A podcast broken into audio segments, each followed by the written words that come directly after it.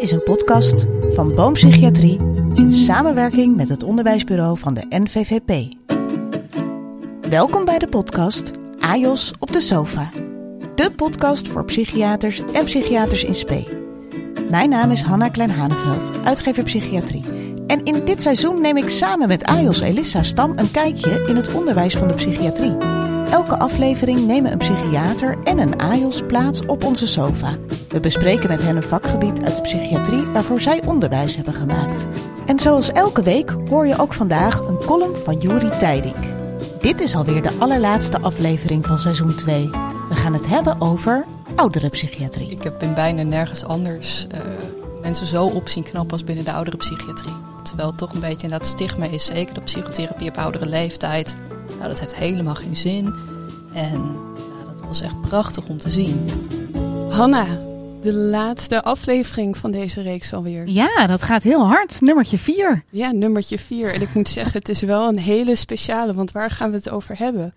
Nou, um, uh, dit zal jou na aan het hart liggen. Het Ja, gaat zeker. namelijk over de oudere psychiatrie. En waar ik eigenlijk wel benieuwd naar ben, Elissa, is of jij aan het einde van deze aflevering toch besluit om uh, bij jouw keuze voor de oudere psychiatrie te blijven. Of zoals jij in de vorige aflevering uh, zei, hmm, misschien toch die kinder- en jeugdpsychiatrie maar eens uh, uitproberen. Ja, dus dat, we gaan eh, het zien. Dat gaan we zien. Maar goed, ik denk dat er twee ongelooflijk leuke uh, collega's zitten die uh, mij gaan van overtuigen dat ik de goede keuze heb gemaakt.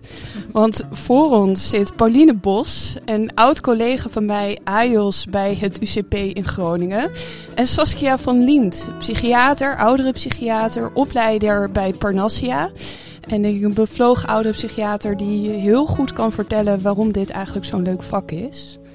En ik wil beginnen met een vraag aan jullie beiden. En ik, um, dat is, waarom is oudere psychiatrie nou veel meer dan alleen het stutten en steunen van de psychiatrische patiënt die simpelweg boven de 65 is? Waarom is het meer dan het stutten en steunen van simpelweg iemand die gewoon een leeftijdsgrens bereikt heeft? Um, ik denk omdat het in essentie veel breder gaat dan misschien gemiddelde volwassenenpsychiatrie in mijn optiek dat dat ook gelijk het mooie is van het vak. Dat het wat ontschot. Um, meer dan alleen bijvoorbeeld, oh, de somatiek moet erbij. En uh, eventueel andere, uh, andere, hele andere specialismen moeten erbij.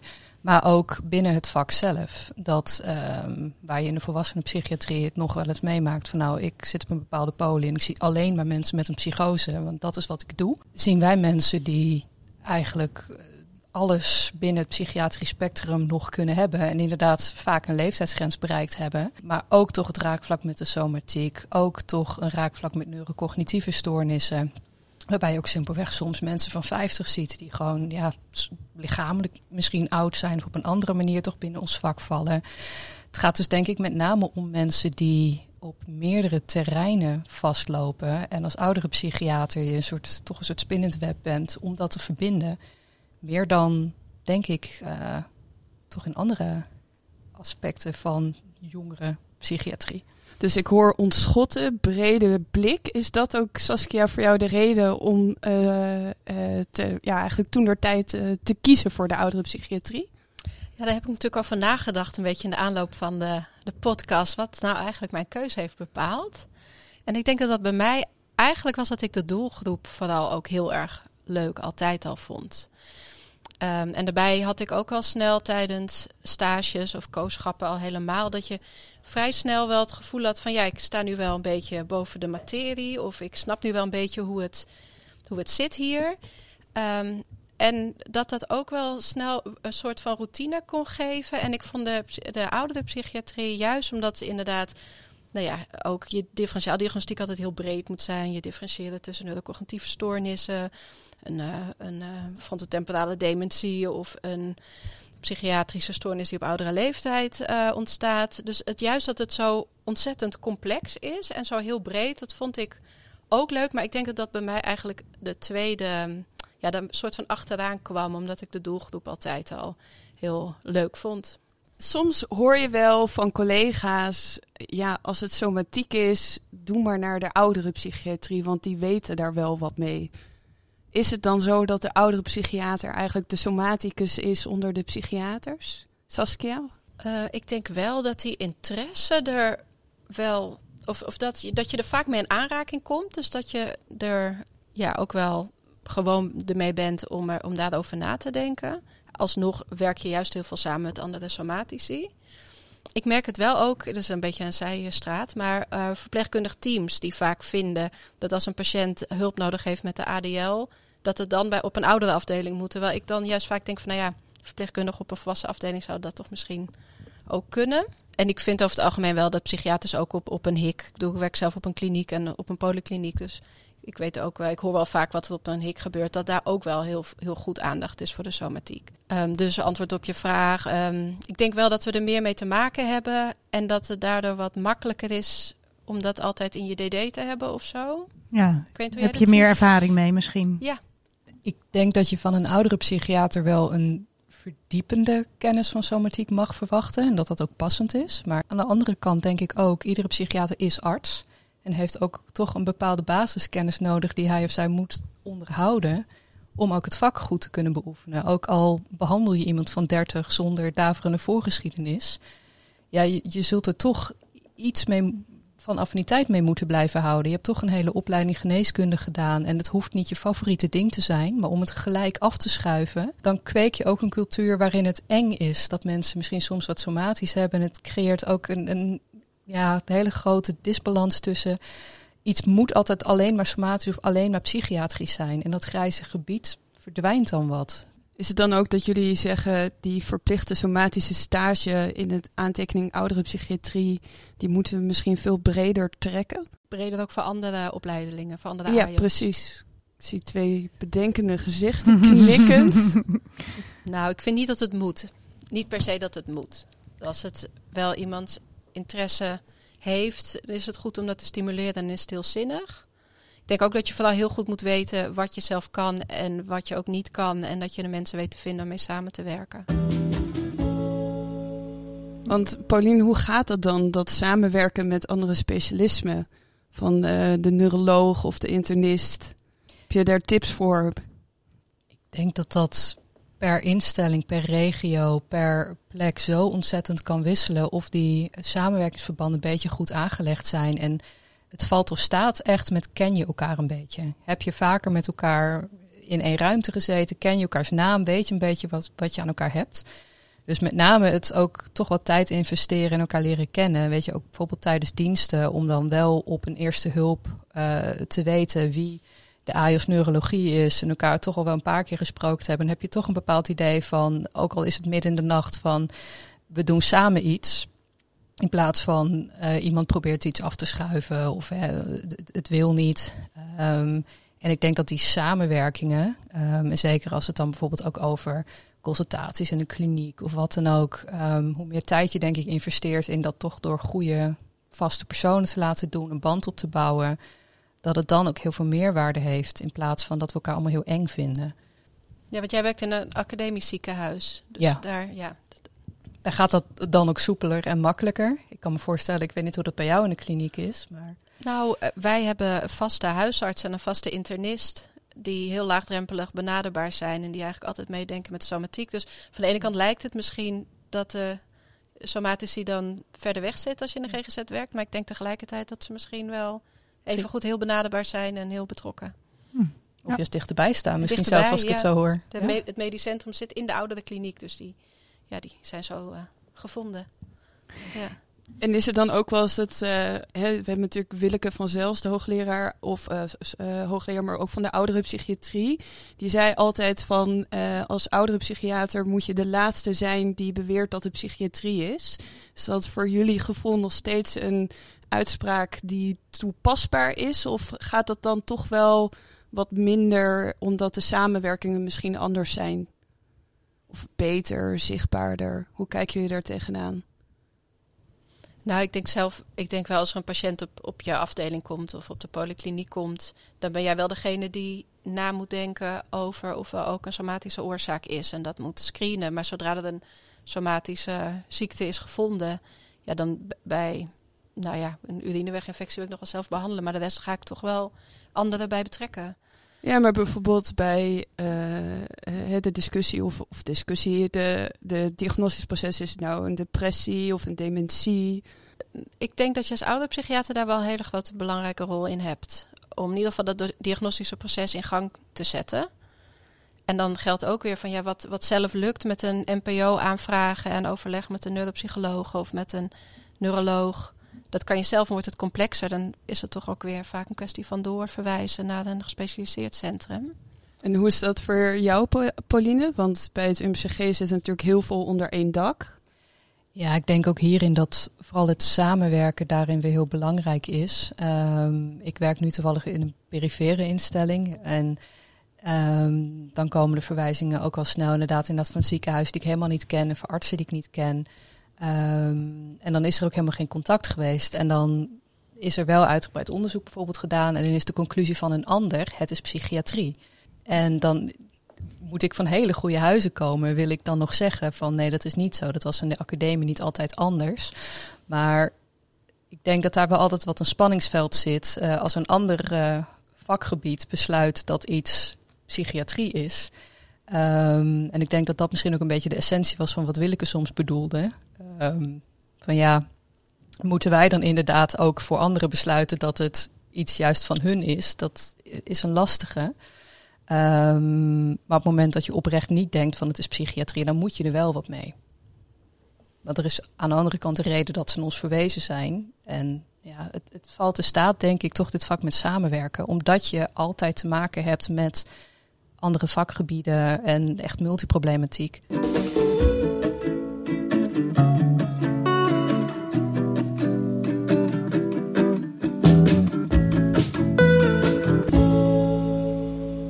Column gesproken door Juri Teilik.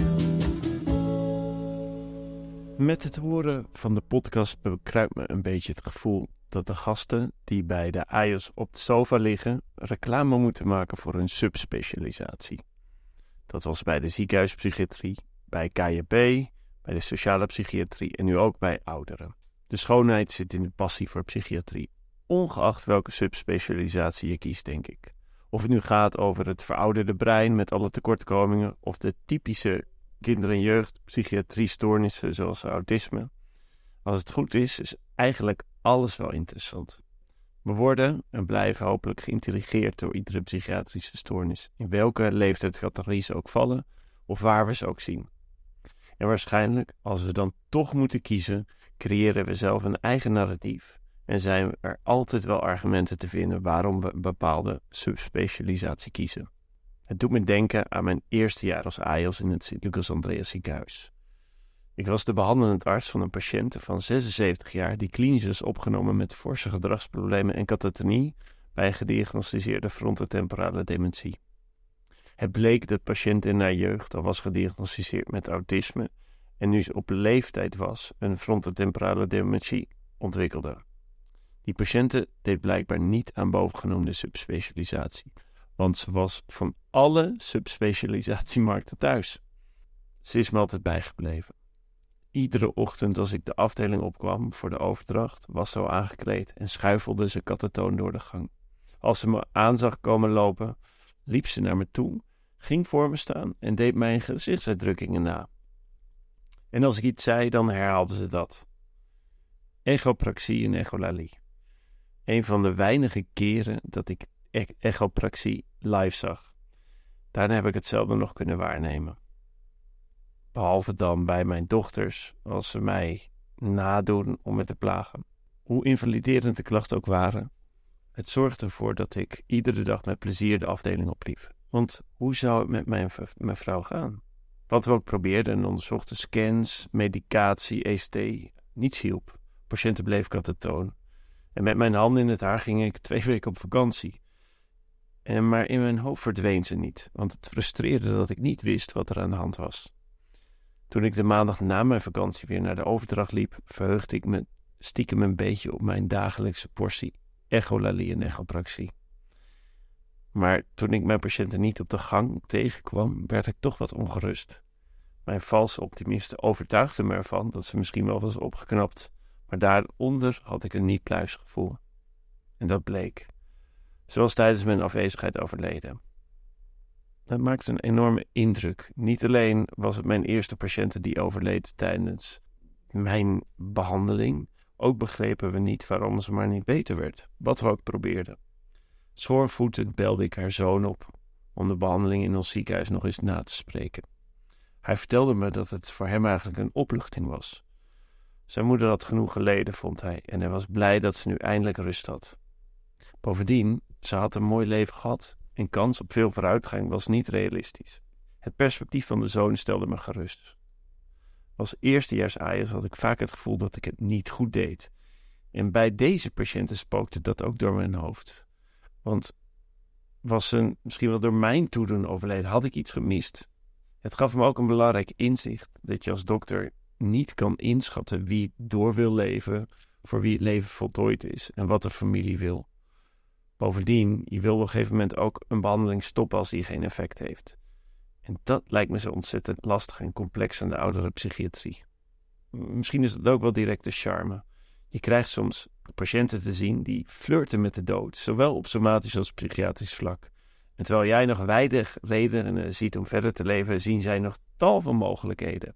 En anderen zien het niet meer zitten, terwijl die nog zoveel hebben om voor te leven volgens jou. Juist dat gesprek aangaan bij iedere patiënt geeft een extra dimensie. De zoektocht naar het antwoord op de vraag of het leven de moeite waard is, kent vele routes, wegen, geiten en olifantenpaadjes. De kunst is om die te kunnen blijven bespreken. Ik hoor jullie nu heel erg veel over hè, inderdaad samenwerken met andere medische specialismen. Echt het somatische stuk. Wat is er nog meer anders aan de oudere psychiatrie ten opzichte van de andere vakgebieden? Kunnen jullie nog iets anders noemen wat het zo interessant maakt of uh, mooi? Ik denk dat je altijd het systeem erbij, of bijna altijd het systeem erbij betrekt. Wat natuurlijk in de vaste psychiatrie ook gebeurt. Maar dat is wel echt gemeengoed binnen de oudere psychiatrie.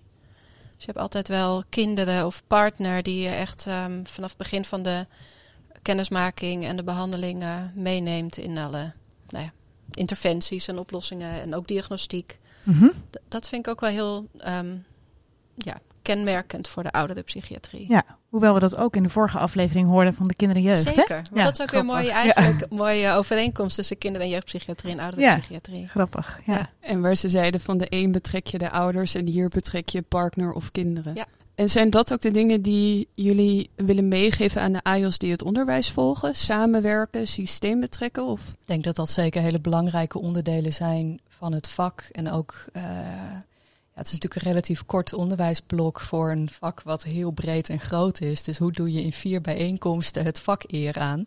Is natuurlijk sowieso een lastige. Ik denk dat dit wel de essentie heel mooi raakt en wat overkoepelend op alle thema dingen die in uh, de, de vier onderwijsbijeenkomsten dan naar voren komen, dat dit altijd belangrijk is, ongeacht nou ja, wat voor iemand je tegenover je hebt of wat je precies aan het doen bent. En wat zijn dan nog meer dingen die in het onderwijs naar voren komen waarvan jullie zeggen, ja, dat is echt kenmerkend voor de oudere psychiatrie? Um, nou, ik, ik geloof dat de eerste, het zijn vier bijeenkomsten en de eerste bijeenkomst gaat over veroudering. Is er een bijeenkomst die gaat over de, nou ja, zeg maar de grote psychiatrische ziektebeelden, maar dan de typische um, presentatie en behandeling bij ouderen. Nou ja, bijvoorbeeld een depressie, dat presenteert zich vaker met, met, somatische klachten en soms ook meer met angst en gejaagdheid en echt met somberheid. En depressies zijn nou juist, is bijvoorbeeld een, een aandoening die bij ouderen best wel vaak gemist wordt. Dus ook dat onderzoek wat recent was gepresenteerd, dat ouderen veel bij andere somatische specialismen ja. aanspoelen, maar uiteindelijk toch dan de depressie blijken te hebben. Ja, dus we hebben in, dat, in die bijeenkomst veel uh, aandacht voor de, het verschil in presentatie van depressie op oudere leeftijd versus jongere leeftijd. En hoe, hoe leg je dat dan uit? Gebeurt dat door middel van casuïstiek? Of uh, hoe, hoe, hoe doen jullie dat? Um, er is inderdaad een uh, PMP over een casus um, ontwikkeld. de AIOS wordt gevraagd een pitch te houden op basis van artikelen en het hoofdstuk. Dus om kort inderdaad de verschillen weer te geven. En ik geloof dat er ook een discussie zit over voorstel voor behandelingen. Dat, ze, eh, dat dat voorbereid wordt en dat er ook een discussie over uh, ontstaat, hopen we dan. Ja. ja. En waar zou zo'n discussie over moeten gaan? Nou, het leukste is natuurlijk als mensen uit de praktijk casuïstiek ja. kennen en dat je dat met elkaar deelt. Want wat zij is voor jou een casus, en natuurlijk in bedekte termen, die je altijd hebt meegenomen, waarvan je dacht, ja, dit is waarom ik de oudere psychiater ben geworden? Ehm, even kijken of dat een, specifiek. Nou ja, wat. Um, mijn eerste stage was op een afdeling stemmingstoornis. En er was een vrouw van, denk ik, 80, 90 opgenomen die manisch was. En dat vind ik altijd een hele ja, mooie combinatie. Ik bedoel, vaak kom je natuurlijk al kleurrijke mensen tegen in de psychiatrie. En dan ouderen die heel kleurrijk zijn, daar word ik altijd. Uh, ja, dat gaat me aan het hart. Dat vind ik. Uh, mooi. Hoe authentiek en uh, jeugdig ze dan ook uh, soms. Uh, ik zie je helemaal oplichten. dus ik heb die mevrouw in mijn hoofd. Ja, ja precies. Ja, ja, En heb je haar kunnen helpen? Ja. Hoe, kan je daar iets over vertellen? Nou ja, ook in het algemeen denk ik dat dat me ook zo aansprak bij de oude psychiatrie. Is dat nou ja, een beetje tegen het stigma in van, oh misschien heb ik, ja, kan je minder bereiken bij ouderen. Dat mijn ervaring juist is dat behandelingen vaak heel goed aanslaan. En ouderen heel goed opknappen van een depressie of van een manie. En ook nog als ze het idee hebben in hun levensfase van ja, ik heb toch te weinig om handen, ik doe te weinig, ik voel me eenzaam. Dat het vaak heel goed lukt om nieuwe initiatieven te ontplooien. En dat je mensen heel erg ziet, uh, ja, mooi ziet herstellen. En hun leven ziet oppakken en nieuwe uitdagingen ook weer ziet aangaan. Dus dat, dat ja, mensen vinden zichzelf vaak niet oud. Hè. Die vinden anderen jonger worden in plaats van dat ze zichzelf ouder vinden worden. Dus hoe lang mensen leven, blijven ze toch gewoon openstaan voor toch ook weer nieuwe dingen vaak. Dus dat vind ik wel mooi om te zien. Ja, leuk. Ja. Pauline, heb jij ook die ervaring? Ja, die mening deel ik echt enorm. Ik denk, ik heb in bijna nergens anders uh, mensen zo op zien knappen als binnen de oudere psychiatrie. En echt van een scala aan verschillende dingen. Van weet je, de, de meest psychotische man die ik meegemaakt heb, die na vier sessies ECT echt herboren was. Dat je denkt, nou, ik wist niet dat dit kon. Um, versus toch ook wel schematherapie in groepsverband, um, waarbij je mensen gewoon zo ziet veranderen. Terwijl het toch een beetje in dat stigma is, zeker de psychotherapie op oudere leeftijd. Nou, dat heeft helemaal geen zin. En nou, dat was echt prachtig om te zien. En dat maakt het ook gewoon heel leuk om in dit vak te werken. Ja, dan lever je dus een waardevolle bijdrage. Dat merk je ook echt in de praktijk. Ja. Klinkt dus ook als uh, dat jullie zeggen dat hele stigma, wat soms collega's hebben, oudere psychiatrie, ja, dat is alleen maar stutten en steunen en daar kan je niks mee, dat dat uh, geheel onterecht is. Ja, klopt. Dat is echt stigma. En ook zelf stigma soms van patiënten. Hè? Dat ze denken van ik ben oud, dus het, het zal wel allemaal niet meer helpen of het kan niet meer.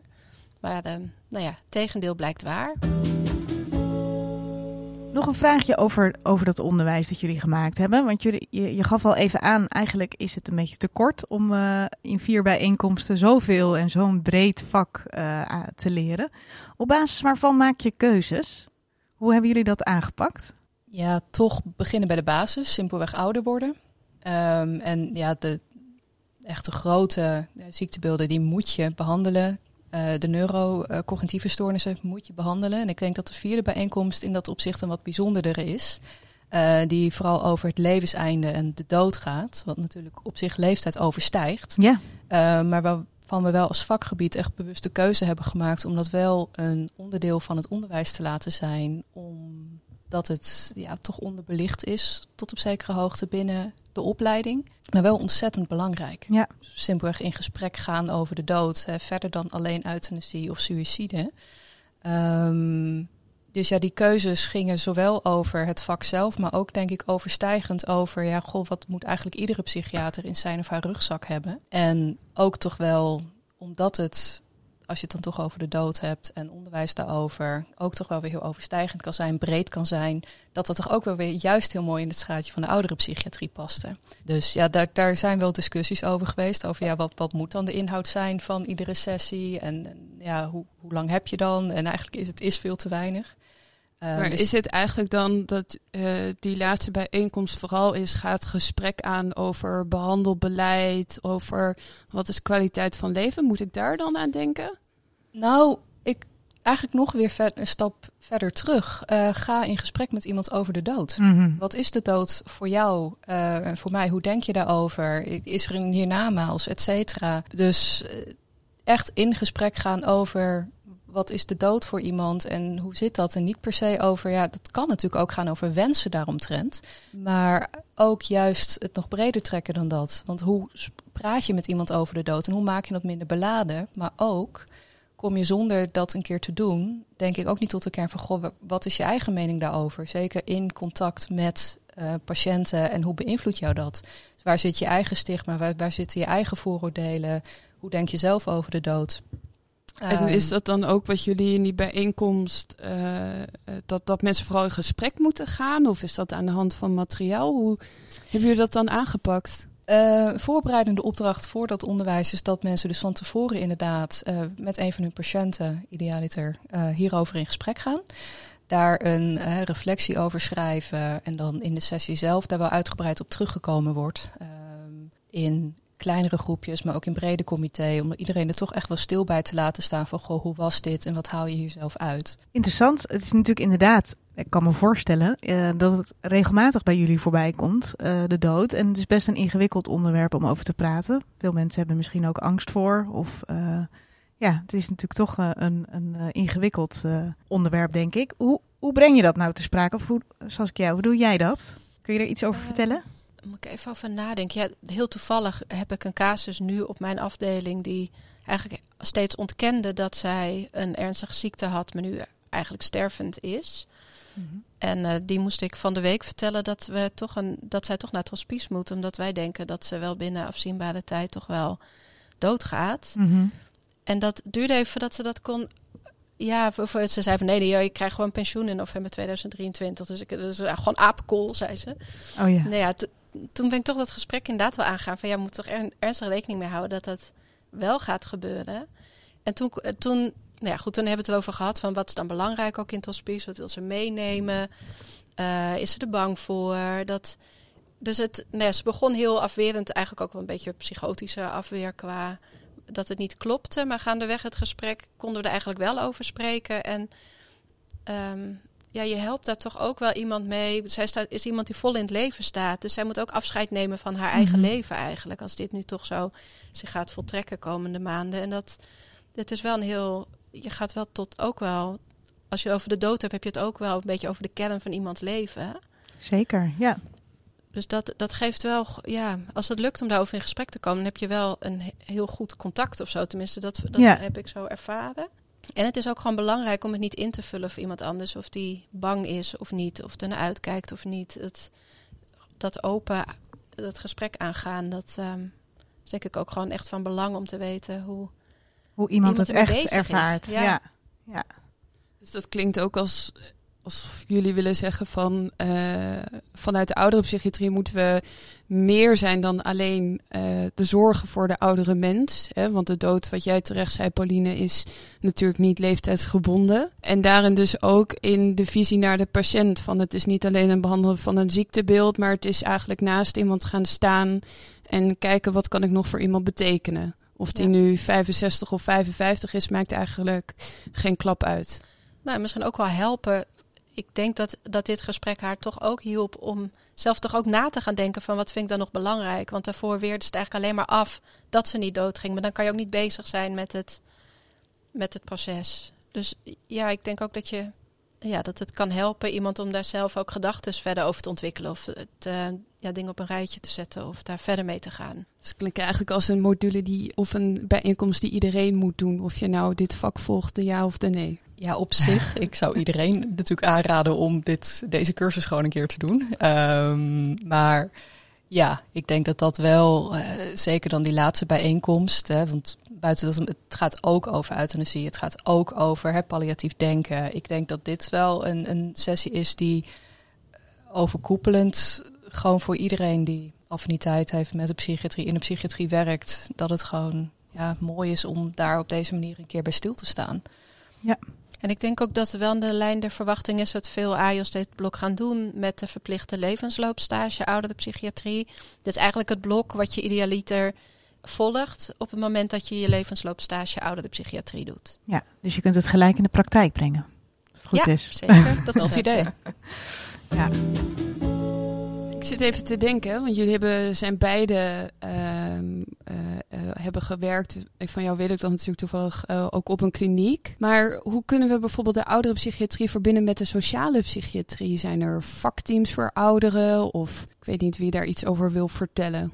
Van waar kunnen we de oudere psychiater nog meer tegenkomen, behalve in een ziekenhuis of in een kliniek of polykliniek? Ik denk um, dat dit ook weer zoiets is waarin het vakgebied toch ook redelijk jong is in bepaalde opzichten. Uh, hier ook nog heel veel te winnen valt. Uh, als je nu kijkt naar, um, goh, zijn we echt goed ingebed, bijvoorbeeld in de verpleeghuizen, in de wijken, in de, de, de wijkteams, de buurtzorg, et cetera. Ik denk dat er heel veel plekken zijn nog waar wij een rol zouden kunnen spelen. En op sommige plekken dat ook heel goed loopt, naar heel veel tevredenheid. Maar er ook plekken zijn waarin het toch heel moeilijk is om jezelf zichtbaar te maken en ook duidelijk te maken wat je kan. En waarom het van toegevoegde waarde is om ons af en toe eens te betrekken ergens in. Um, is dat best moeilijk inderdaad. Um, ook om dan niet gezien te worden als simpelweg psychiatrie, maar voor oude mensen. Ja. Want waar, Saskia, zou jij nog graag oudere psychiatrie onder het voet of uh, uh, willen brengen? Ja, ik zit even na te denken. Want op zich, ik werk zelf ook op een polykliniek één dag in de week. En dat doen we eigenlijk outreachend en poly samen. En vanuit ons wordt er ook consultatie in verpleeghuizen um, gegeven. Um, dus zo zijn er best wel wat dwarsverbanden. En denk ik dat sociale psychiatrie, dat, dat, dat we daar ook echt wel deel van uitmaken. Of dat we dat toepassen wat, waar, ik nog wel een schot tussen ervaar, maar dat is ook wel heel erg waar ik werk, denk ik, is als het psychogeriatrie is of gerontopsychiatrie, dat daar best wel een schot tussen staat. En als je dan iemand hebt met cognitieve achteruitgang en een psychose, dat je dan de neiging hebt, wat we ook natuurlijk wel eens met neurologen hebben, van is het dementie of niet, dat het dan is van, ja, wij herkennen dit niet als een normale psychose. Dat oh moet wel... Beetje dimdammen tussen het verpleeghuis en de psychiater. Ja. vallen, valt de patiënt misschien soms tussen wel in schip een beetje. Ja, dus echt voor dat, dat grijze gebied van mensen die zowel bijvoorbeeld schizofrenie hebben, maar ook, een, ook Alzheimer. Daarvoor goede zorg, dat, um, dat is lastig. Ja, dus daar is nog een wereld te winnen. Daar is wel een wereld te winnen in mijn uh, beleving. Is dat ook iets wat uh, aan bod komt bij het onderwijs eigenlijk? Het oerwoud aan wetgeving, indicaties, stellingen en wat er allemaal mogelijk is voor de oudere patiënt? Nee, volgens mij hebben we dat bewaard voor de. Dus als, als, nou ja, ik weet niet of dit nou wel heel aanlokkelijk klinkt, maar dat, dat interessante hoofdstuk hebben we bewaard voor de profiel uh, AJOS. Hier is wel heel veel discussie over geweest, want netwerkgeneeskunde, volgens mij was dat een beetje de term die continu hier wat uh, opgeplakt werd. Um, is, is volgens mij wel een hele tijd, heeft wel in bij, bij een van de sessies bijgevoegd soort van gezeten. Alleen dat, dat werd ook weer heel onduidelijk en breed. Uh, en uiteindelijk is dat volgens mij inderdaad naar het, het, aandachtsgebied of naar het profiel nu gegaan. Um, dacht het ook. Ja. Dus dat komt als je echt richting de ouderen wil. Ja. Dan is het denk ik ook relevanter. Kijk, het is voor een half jaar stage natuurlijk ook goed en fijn om dit soort dingen te weten en wel iets van de WLZ te weten. Maar op het moment dat je echt in het vakgebied gaat werken en je daar helemaal uh, voor gaat en dat wordt je toekomst, ja, dan kom je er niet onderuit. Ja, precies. Ik wil nog heel even terug naar iets wat jij eigenlijk een beetje aan het begin zei over dat je de oudere mensen ook gewoon wel uh, altijd al interessant en leuk hebt gevonden. Waar komt dat door? Wat is er nou zo leuk aan oude mensen? Nou, het komt denk ik door mijn eigen oma. Die was heel, uh, eigenwijs en een beetje onaangepast. Heel authentiek. En dat, um, dat vind ik ook het leuke aan ouderen.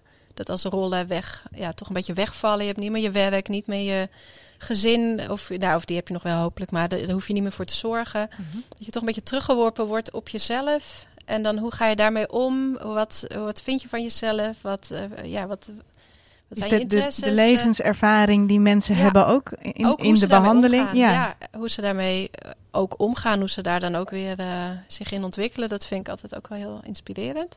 Ja, en mijn ervaring is dat, nou ja, wij, we zijn allemaal een beetje, nou weet ik niet hoe oud we zijn. dus dat is niet toe. Jong, jonge, vlotte mensen. Ja, je bent toch wel erg bezig, nou ja, misschien meer bezig dan ouder in mijn beleving met wat, ja, doe ik het goed? Um, ja, val ik een beetje goed in de smaak en dat Mhm. soort dingen. De ouderen natuurlijk ook, want het zijn natuurlijk ook gewoon mensen. Maar ik vind dat die nog authentieker vaak worden. Dat ze wat Ja. minder in de waan van de dag meegaan. En dat, dat ja, daar hou ik wel van. Ja. Ik weet niet, ik stel me even aan je. herkend. Maar, Ja, ik ben ook wel benieuwd dan wat je zegt hè, van jonge vlotte mensen. En dat je dan wat meer bewust bent van hoe kom ik over. Maar ik heb ook wel eens een oudere psychiater horen zeggen. Ik ben juist bij een ouder iemand heel erg bewust dat ik een klap jonger ben. En dat ik me dan afvraag, word ik wel serieus genomen? Ik weet ik zie jullie eigenlijk allebei wel knikken van ja, dit is wel herkenbaar. Benieuwd, Paulien, waar jij eh, aan denkt. Nou, de, aan keren dat ik toch zuster genoemd werd, Oh ja. meisje, krijg ik toch ook nog wel eh, af en toe. Ehm, ja, het, mijn leeftijd roept dan toch een boel op, ook bij anderen. En dat merk je in de oudere psychiatrie meer. Eh, en aan de andere kant trek je af en toe ook gewoon heel erg je voordeel eruit, Mhm. merk ik. Is het juist, ehm, kan je op een andere manier contact hebben en kan je ook een keer gewoon wat, wat, wat, wat jonger, wat vlotter. En dat vindt iemand eigenlijk ook wel prettig. Omdat je niet in zo'n typische doktersrol zit in de ogen van een patiënt soms, voor mijn gevoel. Heb je ook een ander contact. En voelen ze zich dus niet zo bij een dokter zitten. Eh, en kan je het over hele andere dingen hebben.